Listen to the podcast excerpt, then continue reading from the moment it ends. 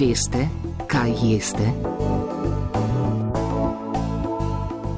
Goriška statistična regija od Bovca do Ajdoščine in Vipave z vključenima Idrijo in Cerknim v smislu kulinarike zajema tako alpski kot mediteranski svet.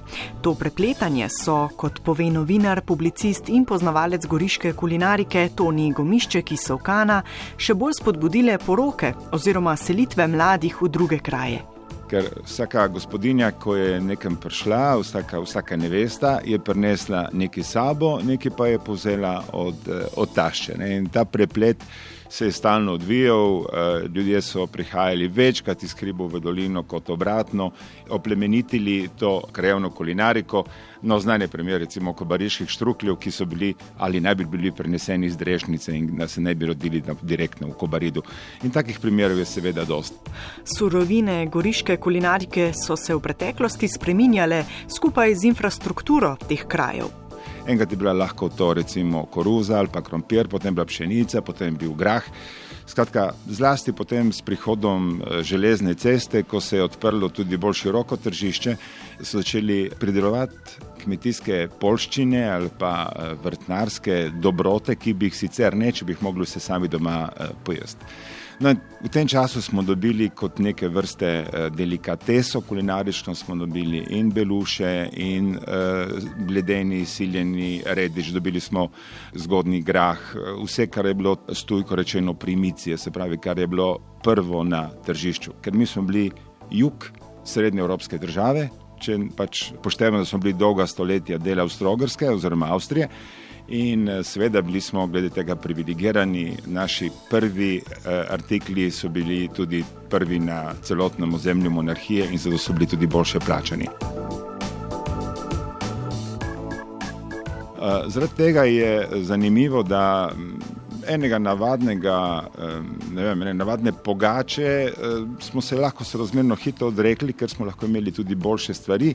Sveda smo prebirali, ne, najboljše je šlo na tržnico, ampak še zmeraj tisti, kar je ostalo doma, je bilo dobro in je bila ta naša kulinarika zagotovo bolj bogata, kot bi bila, če bi te možnosti ne imeli. Imeli smo odličen ser, tudi že zdavne zdobi, zagotovo izpostavil iz tega alpskega loka, karkoli bilo povezano s skuto in serom, ki se potem začelo oplemeniti, ko smo šli proti jugu, tudi z, z razno razno zelenjavo, tudi tako bolj redko, tudi tako bolj, bolj drago. V tej mešanici pretoku znanj so se, kot še dodaja Toni Gomišček, naučili recimo tudi kisati repo. In seveda, zagotovo, marsikaj je našo kulinariko vplivalo tudi eh, dejstvo, da smo bili vinogradniki, torej da smo lahko kešen eh, golaž podaljšali z vinom in ne samo z vodo, da smo se pravi imeli tudi tropine in da smo v tropinah lahko fermentirali repo ali pa tudi še kaj drugega. Pestrost surovin pomeni torej pestrost jedi, vendar ne nujno. Sestavine za idrijske žlikrofe, recimo tipične za to regijo, so povsem enostavne. Ki so dokaz, kako lahko iz poceni surovin z eno velikim znanjem, uložkom dela napraviš eno kulinarično mojstrovino. Čompe, skuto za severno posočje in seveda tudi, tudi frika, imamo spet, kako lahko iz preprostih stvari napraviš neko bogato jed. Tukaj po dolini so bolj recimo razno razne frtalje, zelišne in drugačne, in potem so te improvizirane jedi, ki jim nasplošno rečemo toč, se pravi tri rezine, salame ali pršuta, sotirane na malo masla ali masti in zalite z malo vina in zraven ko skruha ali polente, pa je bila že uh, jed narejena.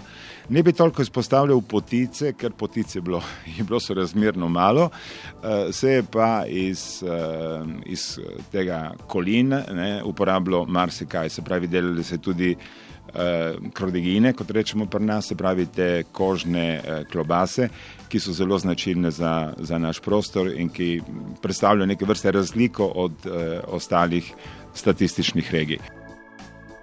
Ena od značilnih jedi te regije je tudi vipavska jota, za katero se samo zdi, da je tukaj v narekovajih od zmeraj.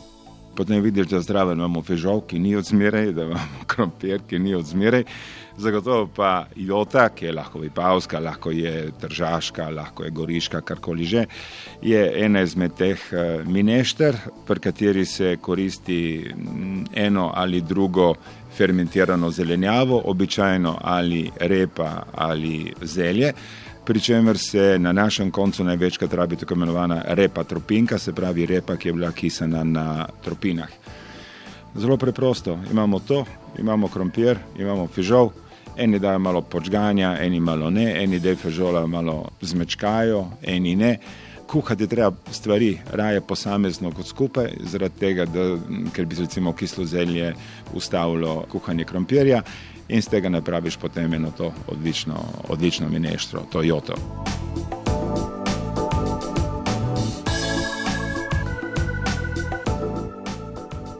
Ne bomo imeli državljanske vojne eh, kot za kakšen drug artikel, če bomo rekli, da je enaka ali zelo podobna, recimo Tržaška ali Kraška, karkoli že, skratka, Jota je, vsaka vas ima eh, lahko svojo mini varianto. V tem poletnem času, ko nam je mogoče že zmanjkalo repe tropinke, pa je ena druga primerna varianta za njo da uporabimo te eh, bučke, ki so že nekoliko malo večje, so nekako ušle, da bi bile tiste mlade, mlade, mlade. No, te bučke eh, naribamo, posolimo, da gre malo vode stran, nekaj jih okisamo in to uporabimo na mesto te repe, eh, tropinke ali pa na mesto kistega zelja za napraviti eh, joto. Mi rečemo briška jota, ko rečeš bricu, da je briška jota, tudi vsak bric ne ve, da je to briška, ker to je kot recimo, ko rečemo tržaška omaka, po trstu spoh ne vejo, zakaj gre. Ampak so je pa, je pa primorska, recimo varianta jote, eh, glavna pa kot zmeraj se pravi ta kombinacija zelenjave, ki je prišla šele po odkritju Amerike k nam, ampak smo vzeli za nekaj, kar se pri nas je pa že od najmanj rimskih legi dalje. Veste, kaj jeste?